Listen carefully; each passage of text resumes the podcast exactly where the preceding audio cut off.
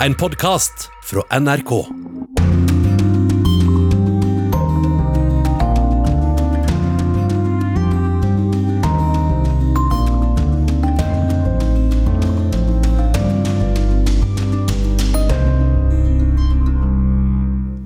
Møt eksperten som forsøker å begrense koronaspredningen i USA, Anthony Fauci.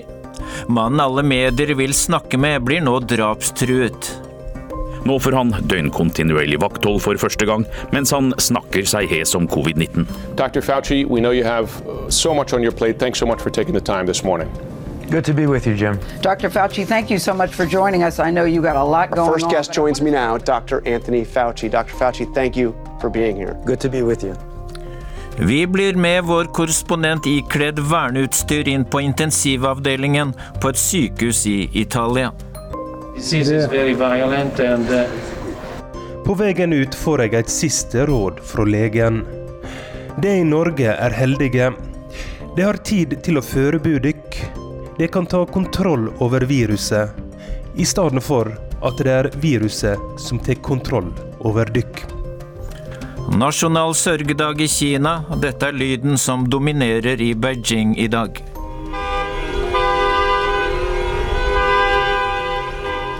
Bilførere i Kina tuter for å hedre de som er døde pga. korona. Og vi skal til korrespondenter i Asia, Afrika, Europa og Midtøsten for å få siste statusrapport om korona fra deres områder. Ja, vel møtt til Urix på lørdag, i studio Dag Bredvei. Ukens korrespondentbrev er postlagt i Brasil. Ukens Krig og fred handler om hvordan måten vi jobber på er endret som følge av koronaspredningen. Og først skal vi til Italia. Landet har måttet takle en voldsom økning i pasienter som trenger livreddende behandling. Legene kaller det hele en krig. Korrespondent Roger Severin Bruland ikledd verneutstyr besøkte intensiven på et sykehus i Milano denne uka. For å komme dit måtte han krysse flere grenseoverganger som var mer eller mindre stengt. Ah, Sie wissen, dass Sie in Österreich keinen Halt machen dürfen. Ja. Okay, haben Sie Dank voll? Ja, it's full tank. På grensa til Østerrike blir jeg stoppa av både politi og soldater. De ber meg skrive under på at jeg ikke skal slakke på gasspedalen før jeg er langt inne i Italia.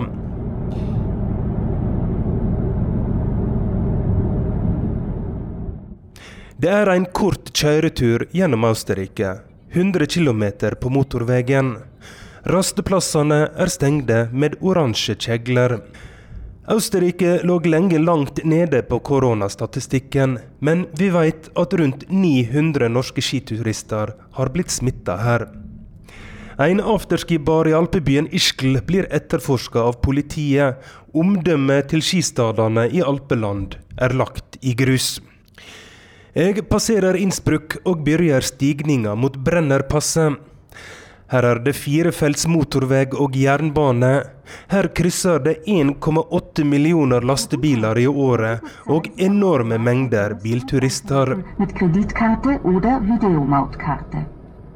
Nå er det ingen her når jeg betaler bompenger.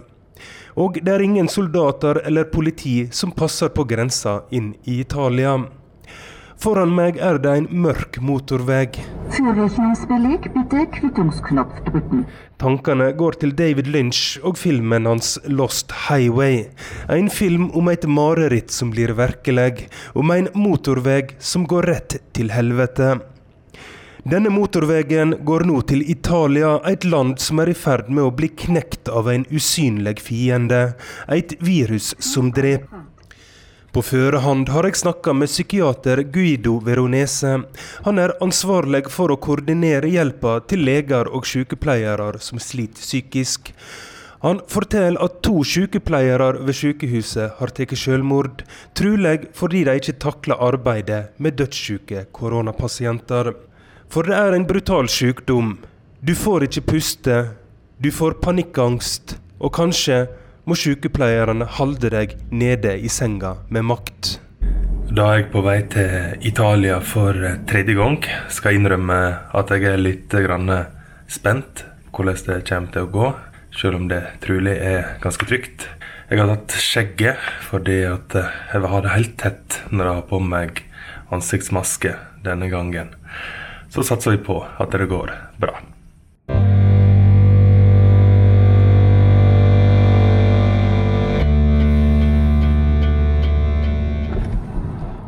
Brennerpasset til Trento er det stengte bensinstasjoner på hver side av den mørke veien. Fire timer seinere passerer jeg Bergamo. Der har det dødd 2000 koronapasienter. Lokalavisene er fulle av dødsannonser.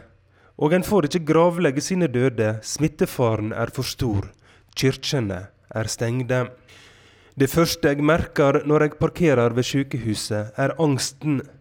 Alle har begynt å gå med munnbind. Jeg har snakka lenge med fotografen min på telefon. Han er redd for å besøke sykehuset. Han har en kjæreste som nylig har hatt kreft, og bor sammen med en gammel far han frykter vil dø. Blir han smitta?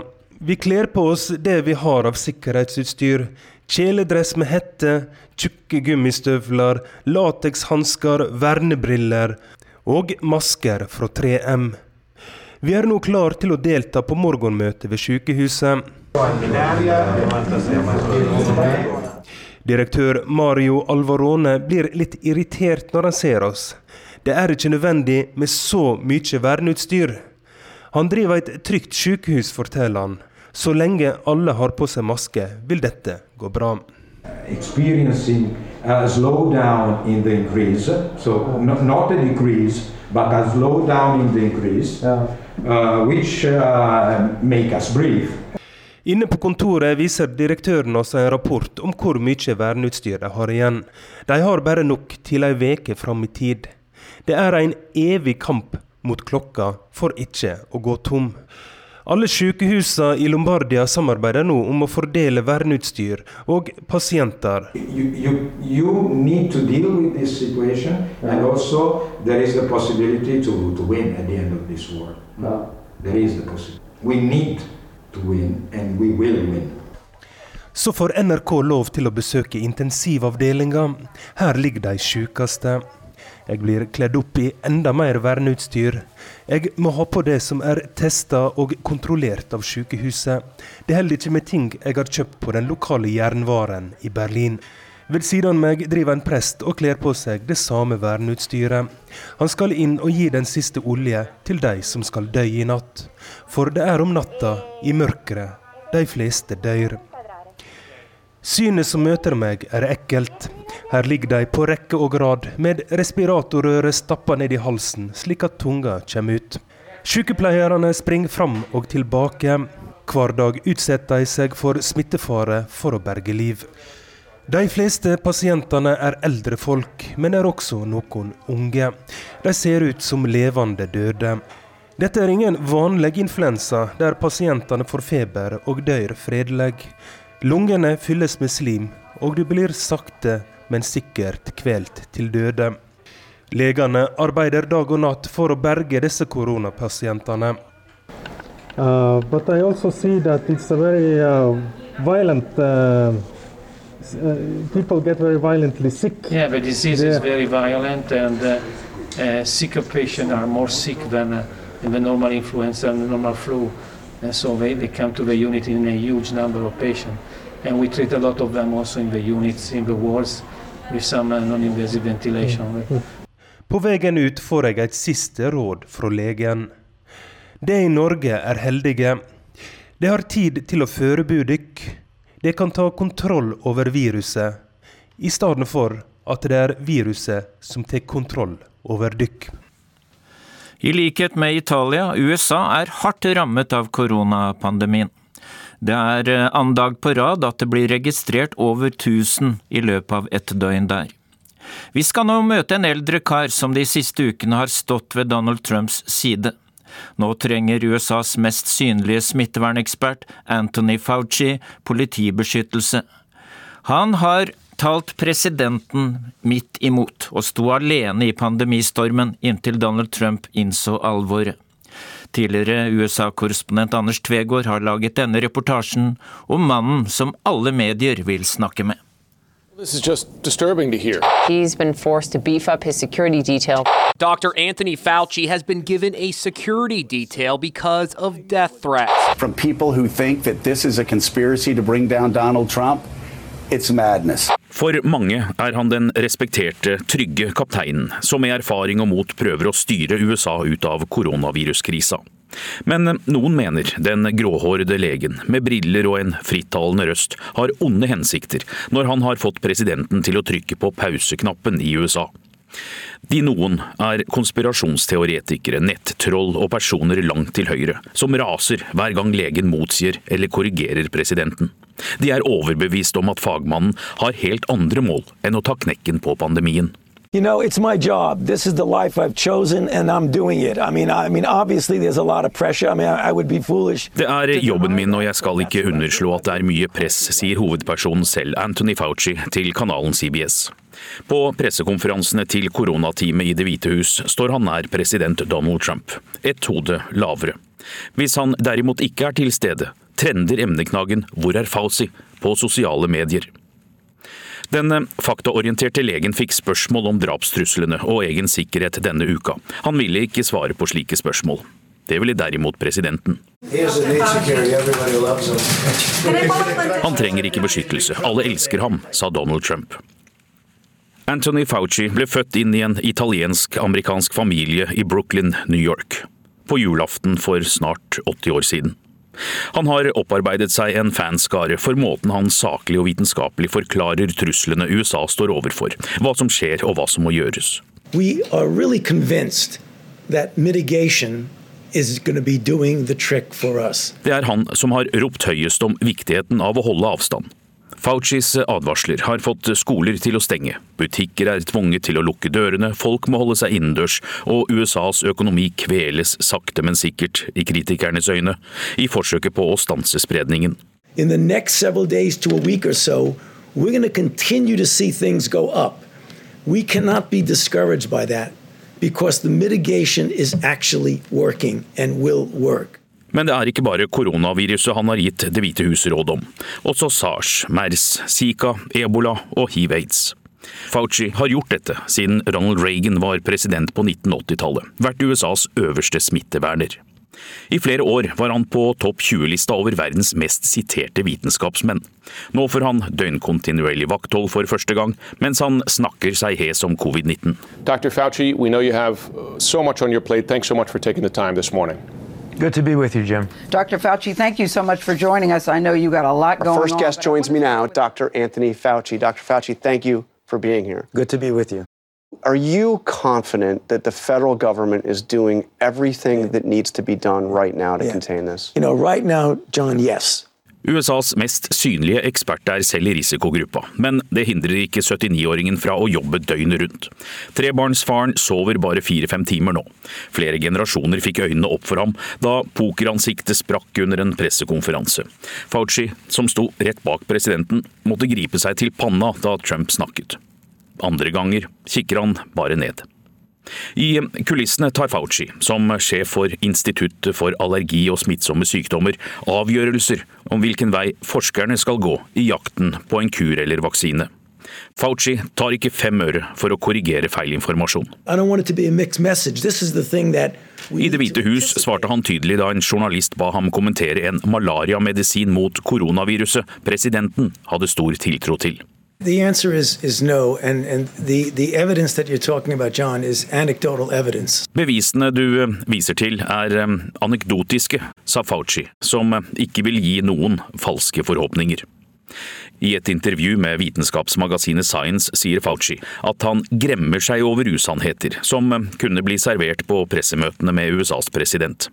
Jeg kan ikke hoppe frem foran mikrofonen og skyve ham til side, men la oss prøve å få det riktig neste gang, sa han om samarbeidet med Trump.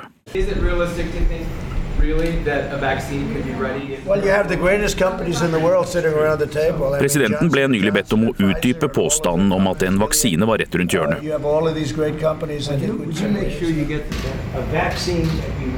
Anthony Fauci tok ordet og sa at en vaksine tidligst kan komme på markedet om et år halvannet. Det tok tid å få presidentens øre. Donald Trump så på koronaviruset som et grense- og reisespørsmål i starten, ikke et helseproblem. Uh, I took a lot of heat. I mean, some people call me racist because I made a decision so early. USA og Sør-Korea fikk på samme dag påvist hvert sitt smittetilfelle. Dette var 20. januar. Mr.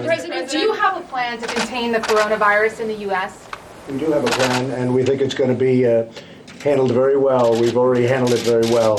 Men eh, grunnholdningen var lenge at restriksjonene var farligere og mer ødeleggende enn selve viruset. Alvoret sank inn først i midten av mars. Da ble det erklært nasjonal krise. Are you prepared for this to strike again, say, in the fall? Yeah. You We're prepared. I hope it doesn't happen. Doctor, would you like to say something about that? I hope it Trump happen. kaller på dr. Fauci når eh, journalisten vil vite om USA er forberedt på en ny runde til høsten. In fact, I would anticipate that that would actually happen because of the degree of transmissibility. Smittevernsjefen svarer detaljert på hvorfor USA er forberedt på en helt annen måte dersom viruset blomstrer opp igjen på et senere tidspunkt. Anthony Faucis håndtering og troverdighet har gjort at bildet hans er trykket på kaffekopper, donuts, sokker, og nå blir han også et leketøy. En sånn figur der kroppen er festet på en sokkel, hodet nikker og hånda kan beveges for å vise hvordan man flater ut en kurve. Bubblehead heter det i USA. 79-åringen blir eh, spurt av CBS hva han og familien syns om all oppmerksomheten. It's really kind of crazy. we try not to pay attention to that and just focus on the responsibility and the job that we have. That's the most important thing, not that other stuff.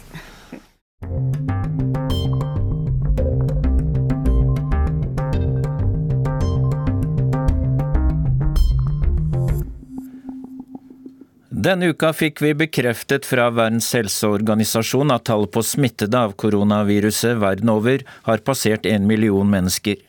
NRK har korrespondenter rundt om i verden som følger utviklingen i sine respektive regioner. Vi skal til Asia, Midtøsten, Europa og Afrika. Og Kjersti Strømmen, i dag er du Er det en spesiell dag hos deg i Beijing? Hør bare her.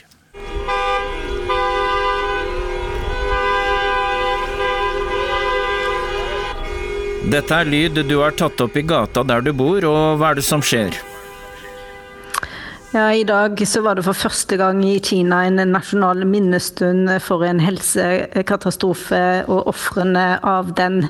Eh, Så landet stoppa rett og slett opp i tre minutter klokka ti i dag kinesisk formiddag.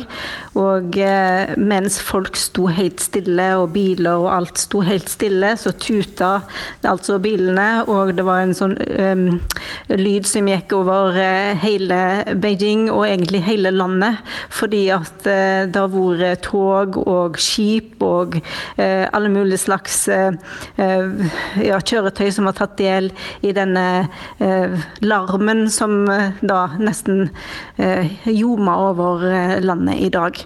Eh, Vanligvis er jo dette en dag der man hedrer de døde i Kina. Der det er en Qingming-festival som eh, gjør at folk skal gå på gravene og hedre de døde sammen med hele familien. Men pga. Situasjonen som er nå, så har myndighetene da gjort dette akkurat i dag til en sånn minnedag for de døde av koronasmitten. Og de flagger på halv stang landet over? Ja, det gjør de, og Xi Jinping sto i spissen, altså presidenten i Kina sto i spissen for denne minneseremonien i dag i svart dress. Og eh, på gata her i Beijing så holdt folk hendene til hjertet. Folk sto med bøyd hode og mintes. Også det, var, det var en veldig sånn kraftfull seremoni, syns jeg, også bare på gateplan her. Fordi folk i Kina har jo levd med dette koronaviruset, og faren for det, siden januar. Og eh, klarer ennå ikke å ta noe lettelsens sukk, selv om eh, virus, altså de påviste smittetilfellene nå er nesten null. Det kommer positive meldinger fra Wuhan, der koronasmitten startet. og Hvordan er situasjonen der nå?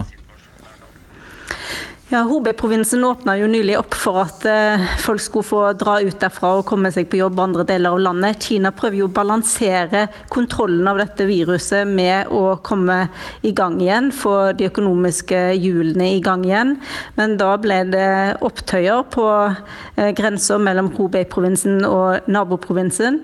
Nå har siden det eh, skjedd at folk får lov å reise inn i Wuhan, byen der dette hele begynte. Og nå til uka så skal folk få lov å reise ut. Det betyr at de som har en grønn kode på en app, som altså er friske, de får lov å reise ut.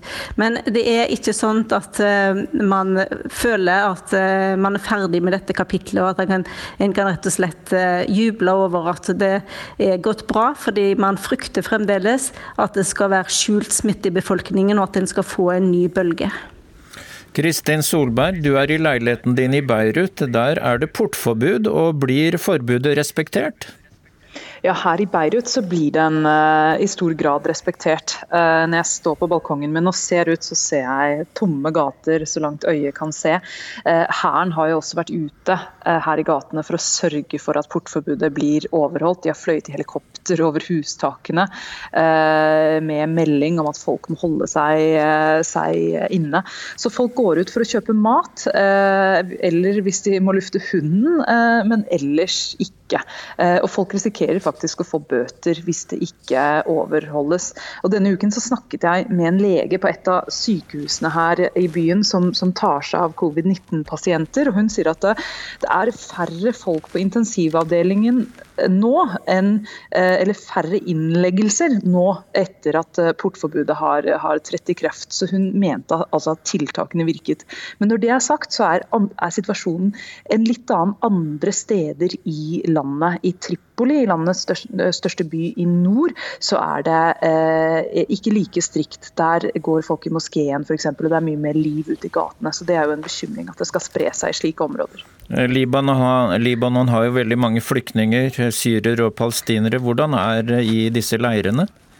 Ja, De er jo i en veldig utsatt situasjon, både pga. bosituasjonen, eh, men også fordi vi ser diskriminerende tiltak mot dem. Eh, lokale myndigheter her har innført egne tiltak for syrere, bl.a. med et utvidet portforbud. De truer med bøter og konfiskering av ID-papirer, som er veldig viktig for, eh, for, syriske flyktninger her, hvis de bryter det. Det bunner i en stadig økende diskriminering generelt mot syrere her. De blir sett på som roten til, til mange problemer, eh, og i stadig større grad. Men problemet er at de diskriminerende tiltakene mot dem faktisk kan øke smitten. Eh, Bl.a. fordi eh, de kan ha større problemer med å oppsøke helsehjelp eh, blant, eh, blant, annet. Og I tillegg så er det også noen syriske flyktninger som frykter at, at hvis det blir påvist smitte i leirene, eller hvis de blir syke, så vil de heller være i leirene og bare være syke der, istedenfor å gå til sykehuset. For de frykter at eh, koronaviruset kan bli brukt mot dem i en veldig utsatt og prekær situasjon eh, her de er. Eh, Philip Lote i Brussel, fellestrekk i flere av de landene du dekker, er at eh, mange blir smittet på disse eldrehjemmene og sykehjemmene? Ja, Det har fått mye fokus, eh, og bare for noen få dager siden i Frankrike så kunne man slå fast at over 800 av de litt over 6000 døde har dødd på sykehjem. Så det avdekker en svikt både når det gjelder å beskytte de eldre på sykehjemmene, men også en kilde til smitten. For det er jo da eh, helt klart at man kanskje kunne ha hindret spredningen, hin, eh, redusert antall døde, hvis man tidligere hadde gått inn i eh, eldrehjemmene og sykehjemmene. Og Det er jo noe av det samme man har sett i andre land. I Spania så gikk militæret inn og desinfiserte noen eh, sykehjem. Og eh, i Belgia så har det de siste dagene blitt gjort en undersøkelse i en av de største fagforeningene for eh, sykepleiere og hjelpepleiere, eh, hvor 66 av eh, de spurte sier at de mangler helt nødvendig smittevern og er redde for å smitte de de pleier. For det er jo umulig å holde 1,5 til 2 meters avstand til de du skal gi omsorg. Samtidig som de da også frykter at eh, folk i helsesektoren, helsearbeidere, skal bli smittet og da satt ut av stand til å jobbe. Vi har jo hørt om alvorlig situasjon i Italia i denne sendingen, og du har også dekket Spania for oss eh, flere ganger. Hva er situasjonen i Belgia, der du har basen din? Ja, Belgia har et ganske stort, høyt antall døde i forhold til smittede. og Det kan henge sammen med at de egentlig ikke tester så mange. Eh, Belgia har eh, nå 1200 døde og kun 18 000 smittede, så de har jo nesten like mange døde eller like mange døde som Tyskland, som har 90 000 tilfeller av korona. Så det er situasjonen der. Ellers er jo det siste at Spania nå er på nivå med, kanskje er i ferd med å, eller ganske sikkert i løpet av denne helgen vil gå forbi Italia i antall smittede. Begge ligger på nå rundt 119 000 tilfeller. og mange mange sier at dette er et resultat av at Spania etter finans- og eurokrisen har hatt innstramninger, har måttet bygge ned sitt eget helsevesen. Og det at de i tillegg nå har blitt rammet i hovedstadsregionen, hvor folk bor ganske tett og lever ganske tett på hverandre, hvor det er mye aktivitet. Eh, og det har gjort at Spania har blitt såpass hardt rammet. Skal huske på at Italia er et eh, land med en lavere befolkning, eh, altså ikke like mange mennesker som Spania. 47 millioner mot Italias 60 millioner. Ida Titlestad Dalbakk, du er i Cape Town i Sør-Afrika. Korona kom til det afrikanske kontinenter etter Europa og USA. Eh, der du er, tar myndighetene og innbyggerne pandemien på alvor? Sør-Afrika handla jo raskt eh, sammenlignet med mange andre land i verden. Og president Cyril Ramaphosa han eh, får nå skryt for å være samlende og, og ta eh, alvorlige grep i Sør-Afrika. Her så er det 47 000 som har blitt testa, og det er nærmere 70 testsentre som er satt opp. Og snart så vil det bli mulig da her å teste mer enn 30 000 mennesker hver eneste dag. Eh, og innbyggerne tar jo dette også på alvor. Det er litt vanskeligere for de fattige menneskene i landet å overholde portforbudet. Eh, mange må stå i lange køer på supermarkeder for å få tak i mat. Eh, sånn at eh, det er jo litt ulikt for de ulike for, ja, de som har ulik inntekt og, og ja ulik status da i Sør-Afrika her nå. Er det fortsatt land i Afrika uten registrerte tilfeller av korona? Ja, det er fire afrikanske land nå hvor man ikke har registrert tilfeller. Eh, det er Lesotho, som ligger sør i Afrika. Komorene i Det indiske hav, da, mellom Madagaskar og Mosambik. Og Sao Tome, som er et øyrike i Atlanterhavet. Og så er det Sør-Sudan. Og Sør-Sudan eh, tror man at årsaken til det at man ikke har påvist noe særlig smitte, bl.a. Eh, kan ha med at det ikke er så mye flyforbindelse til dette landet. Det mener i hvert fall Helsedepartementet der. Eh, men myndighetene der er jo nå også bekymra for alle de utenlandske hjelpearbeiderne som er i Sør-Sudan, og som kan ha kommet eh, tilbake dit eh, de siste ukene. Så her følger man med på situasjonen her også. Tusen takk Ida Dalbakk, direkte med fra Cape Town. Takk også til Kjersti Strømmen i Beijing, Philip Lote i Brussel og Kristin Solberg i Beirut.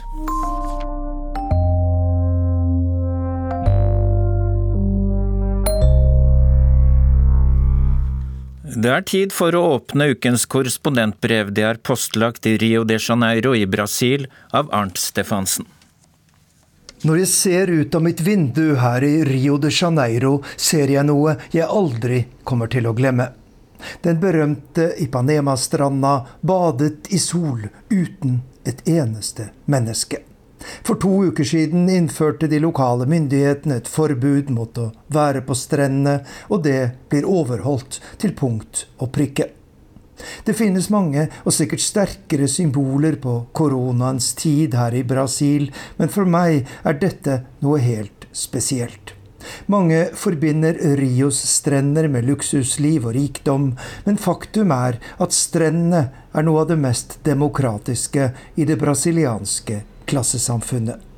Rike og fattige familier nyter livet praktisk talt side om side, og på stranda er man lite opptatt av hvem du er, eller hva du har eller ikke har. Når Rios strender er tomme, er det alvor. Svært mye alvor. Og selvsagt vrimler det av spekulasjoner og konspirasjonsteorier i et land der dette også i normale tider nærmest er en massekultur. Mer eller mindre velfunderte undersøkelser forteller oss at mer enn én million brasilianere kan dø av viruset, avhengig av hvilke tiltak man setter i verk. Og nettopp tiltak har vært det store stridstemaet her i Brasil de siste ukene. Landets president, høyrepopulisten Jair Bolsonaro, avfeide først virusfaren som en fantasi. Deretter kalte han den en gripezinho, en liten influensa. Han nekter å innføre nasjonale tiltak for å hindre smitte, og han har drevet en omfattende kampanje på sin yndlingsarena, de sosiale mediene, for å motarbeide de omfattende tiltakene som er blitt iverksatt av regionale og lokale ledere, som her i Rio de Janeiro.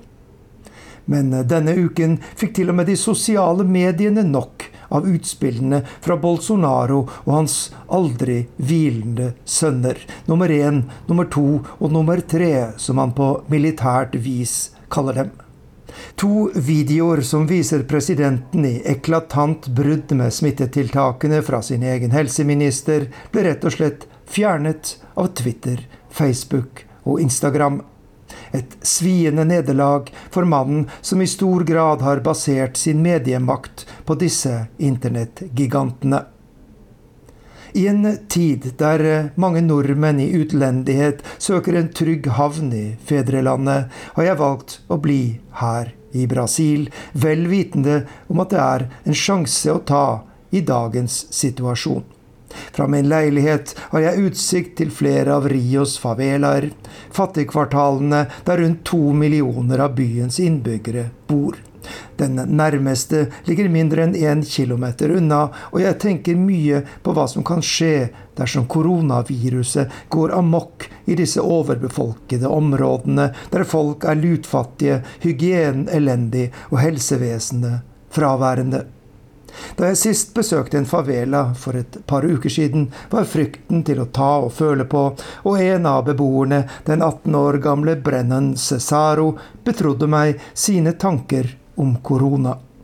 Jeg tror dette er et virus som er laget for å bli kvitt de gamle. De er jo bare en utgiftspost, særlig for vår regjering, som kun er opptatt av å få fart på økonomien, sier han og ser spørrende på meg. Jeg kan ikke akkurat si meg enig, men jeg forstår hans fortvilte forsøk på å finne svar i en tid full av mistro til landets ledelse. Og den 28 år gamle favela-beboeren Genivaldo Santos sier han er vettskremt for hva som kan skje. Vi er jo helt ubeskyttet. Jeg tror det bare er Gud som kan redde oss nå, sier han. Og det er mange her i Brasil som påkaller Vår Herre i denne situasjonen. Særlig aktive er de evangeliske frikirkene, de såkalte pinsemenighetene, som har millioner av tilhengere blant Brasils fattige. Flere av disse har nektet å rette seg etter myndighetenes påbud om sosial avstand, og den mektige kirkelederen Silas Malafaya, en viktig støttespiller for president Bolsonaro, har til og med fått rettens kjennelse for at religiøs forkynnelse kan unndras fra myndighetenes tiltak. Dette viruset er Satans verk, og bare Gud kan beskytte deg mot koronaen, er den populære pastorens budskap til sine tilhengere. Mange av dem som deltar i kirkens aktiviteter, er gamle og syke, og deres pårørende kommer nå med sterk kritikk av den faren de blir utsatt for. Moren til en venninne av meg er over 60 og har diabetes og høyt blodtrykk, men hun nekter å høre på datterens bønn om å holde seg hjemme. Jeg setter min lit til Gud, sier hun. I eh, ekstreme tider griper man til ekstreme historiske paralleller, og jeg ser av italienske aviser at folk nå blir minnet om svartedauden på midten av 1300-tallet, den verste pandemien i historien. Dette var 150 år før Brasil ble et land, så her er det en pandemi av nyere dato folk blir minnet om, nemlig spanskesyken som herjet verden i flere bølger i perioden 1918 til 1920. Denne fryktelige influensaepidemien tok livet av mellom 50 og 100 millioner mennesker verden over, og høsten 1918 kom den hit til Rio, der den spredte seg med uhyggelig fart. Alle virksomheter ble stengt på kort tid, og folk døde så hyppig at mange av likene ble liggende i gatene i lang tid, skriver historikeren Mari del Priore i en artikkel i Storavisen og Globo. De ekstreme forholdene gjorde at man ennå ikke vet nøyaktig hvor mange som døde, men man regner med et dødstall rundt 15 000 her i Rio de Janeiro, som var Brasils hovedstad på denne tiden. Nå krysser vi fingrene her i byen under Sukkertoppen for at tragedien for 100 år siden ikke skal gjenta seg. Det sa Arnt Stefansen. En verden på hjemmekontor er tema i ukens Krig og fred. Vil koronaviruset endre måten vi jobber på for godt? Og hvem vil tape, og hvem vil vinne dersom vi blir sittende lenge på hjemmekontoret? Programledere Tove Bjørgaas og Halvard Sandberg fabulerer litt om framtida. Nå har mange av oss sittet på hjemmekontoret i mer enn tre uker. Og akkurat i dag så gjør du også det, Halvard. Ja, og nå har jeg nettopp fått ungene ut på tur, så det er jo kjempefint. Men jeg lurer på hvordan koronakrisa kommer til å endre måten vi jobber på. Hvis man ser bort fra alt det negative, så har det skjedd veldig mye innenfor dette nye næringslivet. Da. Ja, altså Hvem vil vinne og hvem vil tape på at vi må holde oss mer unna hverandre? Ja, det er for tidlig å gi klare svar, men det er vel lov å undres litt. Du hører på Krig og fred med Halvard Sandberg og Tove Bjørgaas.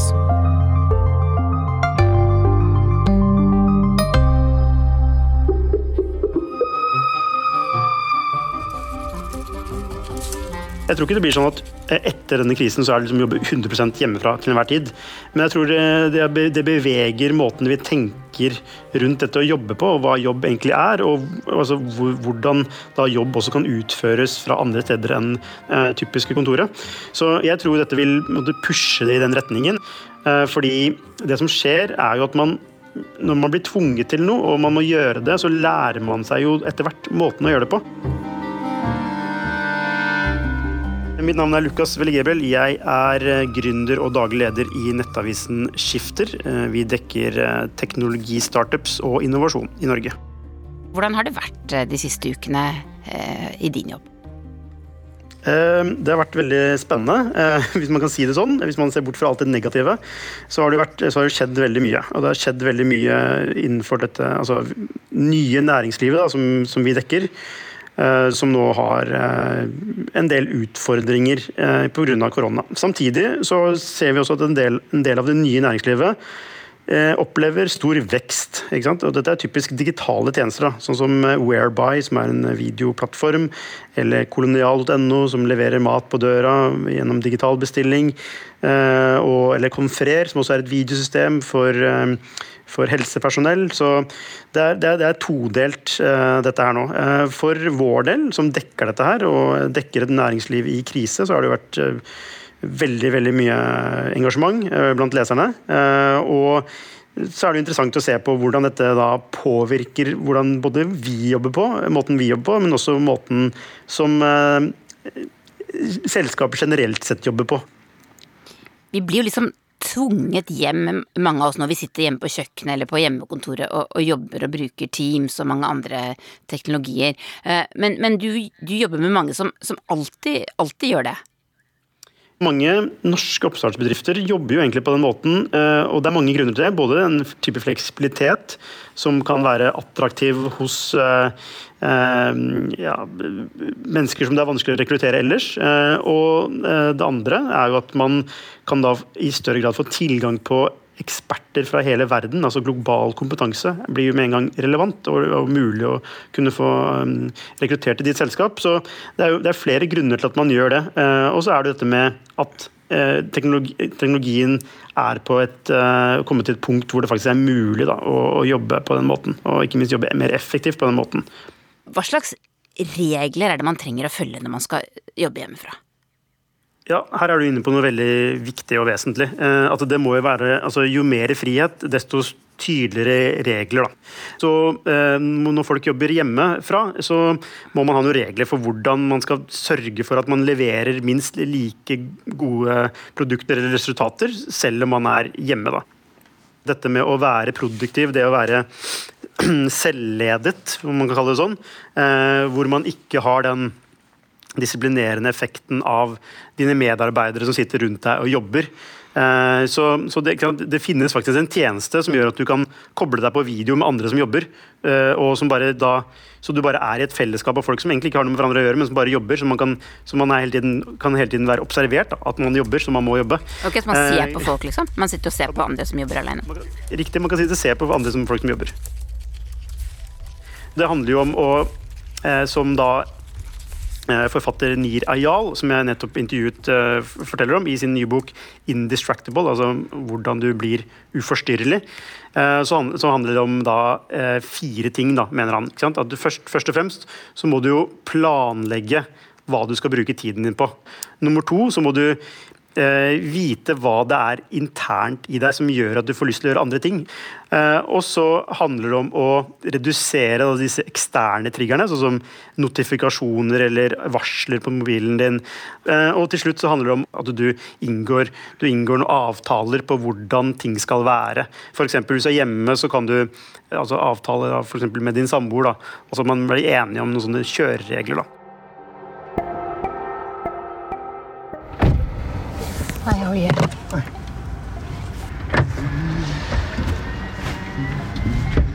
How are it? How is traffic now with all this virus stuff? Is it? okay. Yeah. Halvard, 8. mars så landa jeg på flyplassen i San Jose i Silicon Valley, California. Da var det allerede koronaalarm i San Francisco-området, og Uber-sjåføren som kjørte meg til eh, rett ved der Facebook har hovedkvarteret sitt, brukte et veldig solid munnbind. Hvordan har det gått i det området siden da? Det har ikke gått så dårlig, skjønner du, for at eh, California var raskt ute med å innføre tiltak. Så eh, California blir egentlig dratt fram som et av de områdene hvor de ligger best an. Hvorfor tror du de var så kjappe?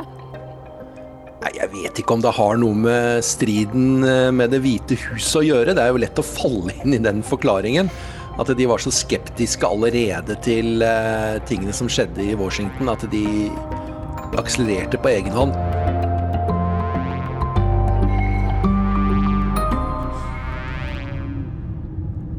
Google, Intel, Facebook det var de store teknologiselskapene som gikk foran um, med et godt eksempel der, og eh, oppfordret alle sine medarbeidere til å arbeide fra hjemmekontor fra og med ca. en måneds tid siden. Og så kom guvernøren på banen veldig tidlig og eh, først oppfordret til hjemmekontor, og deretter kom en ordre om å gå i såkalt shelter. Mitt navn er Gro Dyrnes, og jeg leder eh, Innovasjon Norge i region Americas. Fra Canada, USA og Brasil og sitter selv eh, fysisk lokalisert i Silicon Valley. Vi møttes eh, Eller vi møttes ikke, vi snakket på Teams. Det har blitt så populært nå for tiden. Eh, bare for litt under en måned siden, da var jeg i Silicon Valley, og da var du allerede ute av kontoret pga. koronakrisa. Det, det gikk ganske fort. Hvordan har stemningen vært disse ukene der du er? Folk har tatt det med ganske både stort alvor og um, samtidig god ro. Og det tror jeg handler om at um, de gikk ut så tidlig med restriksjoner. Uh, at man har ikke sett den eksplosive økningen enda heldigvis, som man har sett i New York. Og ting går seg jo til. I begynnelsen var det litt um, utplukket i butikkene. Eh, mange som kjøpte spagetti bolognese osv. Ja. Men um, Dopapir. Uh, toalettpapir, absolutt. Men nå um, er det god tilgang på varer, og, og folk uh, synes å ha innsett at det, det fylles opp. Men uh, du jobber jo med både norske startups og med, med teknologiselskaper, hjelper dem i, i, i Silicon Valley, på en måte verdens hovedstad for denne typen selskaper. Hvor Hvordan er bekymringen? Hvordan tenker folk i Silicon Valley nå? Det eneste som er sikkert, er jo at det er ingen av oss som vet eh, hva som kommer til å bli resultatet. Og eh, man får en eh, påminnelse om at eh, ting kan skje veldig fort. Um, vi som sitter i Silicon Valley er jo vant til å snakke om disrupsjon og hvordan store selskaper blir uh, forstyrret, uh, disrupted, uten at de selv ser det. Uh, og nå plutselig sitter vi i en situasjon hvor vi alle har blitt forstyrret uten å verken forstå det, kunne kontrollere det eller vite hvordan vi skal svare på det. Så um, det, det handler, vel, handler vel mest om å prøve å bare diskutere hva, hvordan ser det ut på andre siden. Hvordan tror vi det kan se ut, og uh, få validert om det faktisk stemmer, da. Eh, men der du er, så, så, har man vel eh, Så er det allerede ganske vanlig å ikke sitte sammen i, i samme møterom når man jobber, er det ikke det? Jo, jeg vil i hvert fall si at um, det er jo mer og mer vanlig med den strategien som man kaller remote first. Uh, som handler om at det spiller ikke noen rolle hvor de ansatte befinner seg, så lenge de får gjort jobben sin. Og at man faktisk har tilgang på kanskje enda mer talent dersom man er villig til å gi ansatte mulighet til å jobbe der de, uh, der de ønsker selv å bo. Uh, og teknologiene og og løsningene, hvorav mange er utviklet og selges fra Silicon Valley-baserte selskaper, eh, legger jo veldig godt til rette til dette allerede. Så det var nok ikke tilfeldig at de store selskapene kunne gå ut veldig tidlig og oppfordre til hjemmearbeid, fordi de har allerede løsninger som, som tilrettelegger veldig godt for dette. Hvordan, eh, hvordan, tror du dette som skjer nå vil forandre måten man, man, man jobber på, sånn rent praktisk? Det blir jo mer eh, for å si, min, Mine fortolkninger er så gode som, som hvem som helst andre sine. Men for det første så får vi en kompetanseheving gjennomgående på hvordan man kan jobbe bedre digitalt. Og det er jo til en viss grad effektiviserende. Eh, man slipper eh, reisetiden, og ikke minst det påvirker faktisk miljøet fysisk også. Så mm, jeg tror jo at det blir en, en læring og en holdningsendring på tvers av befolkningen som gjør at vi kommer til å bruke disse verktøyene mye mer på sikt. Og kanskje være mer kritisk til hvordan vi bruker tiden vår når vi faktisk fysisk møtes.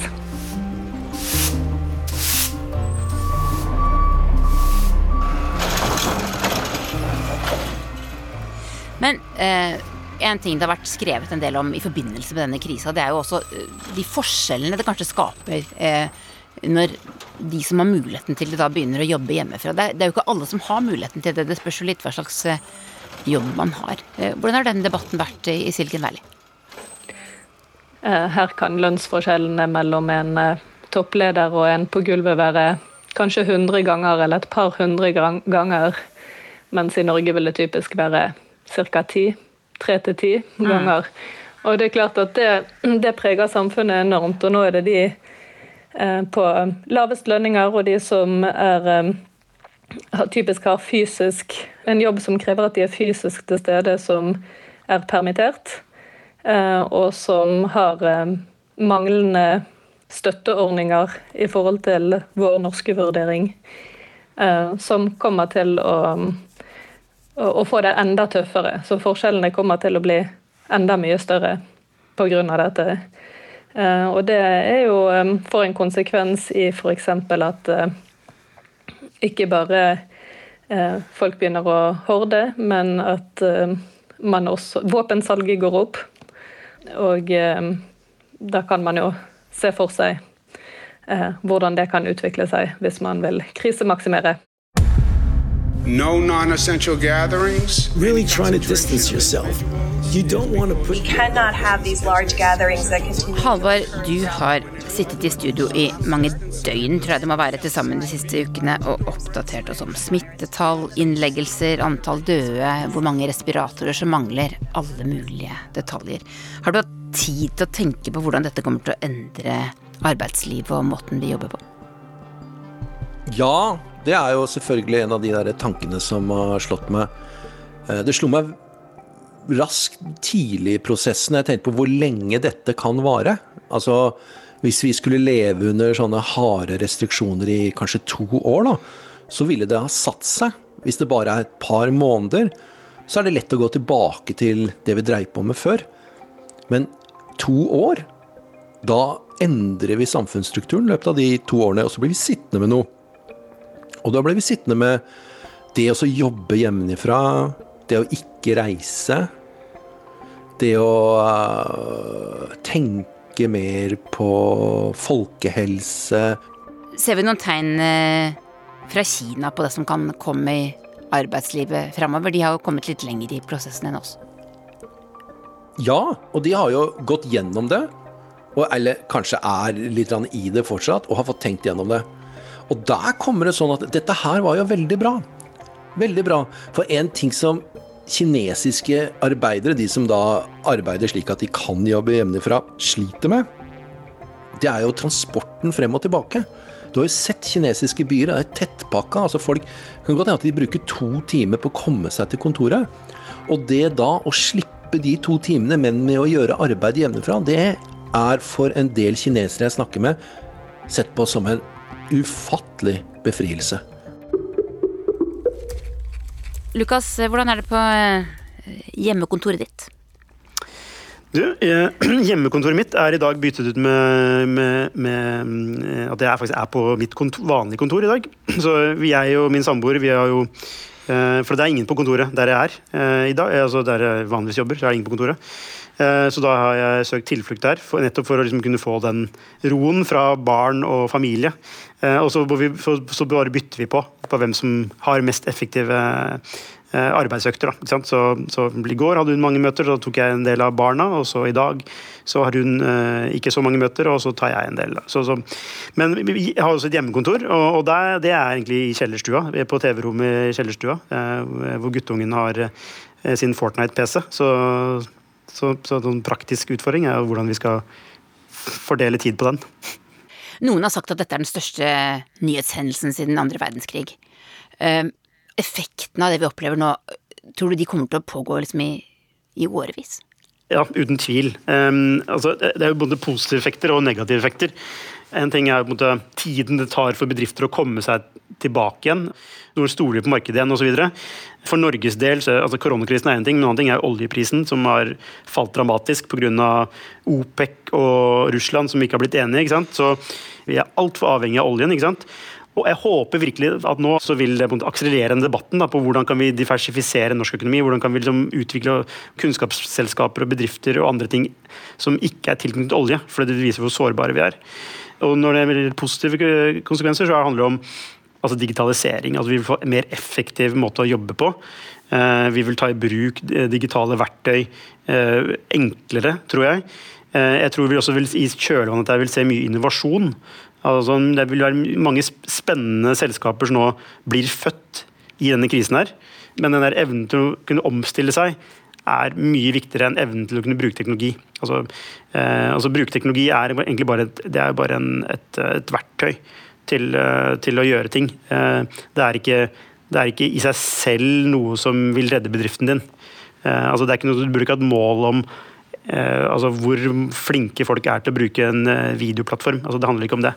Det handler om okay, hvordan kan vi tilpasse produktet vårt til et nytt marked.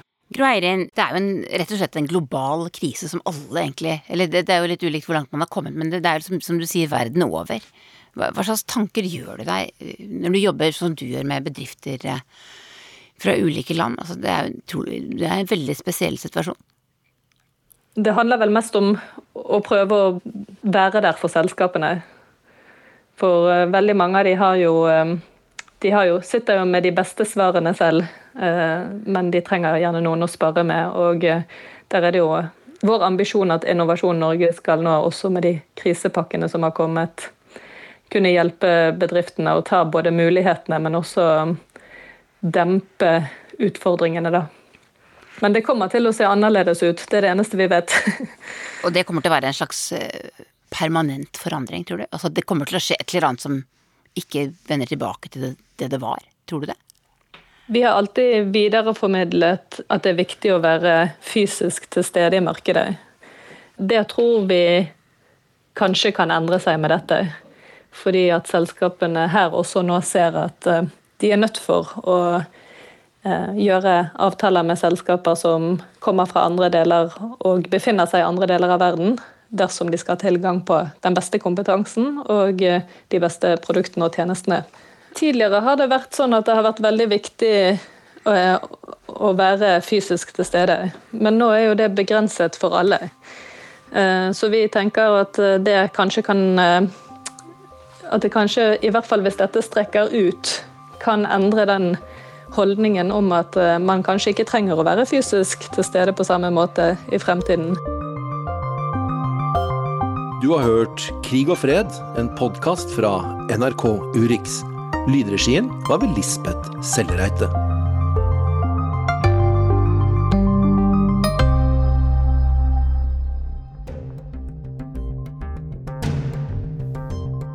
Hvis du ikke fikk med deg alt denne siste timen, minner vi om at hele Urix på lørdag går i reprise på P2 klokka 23 i kveld.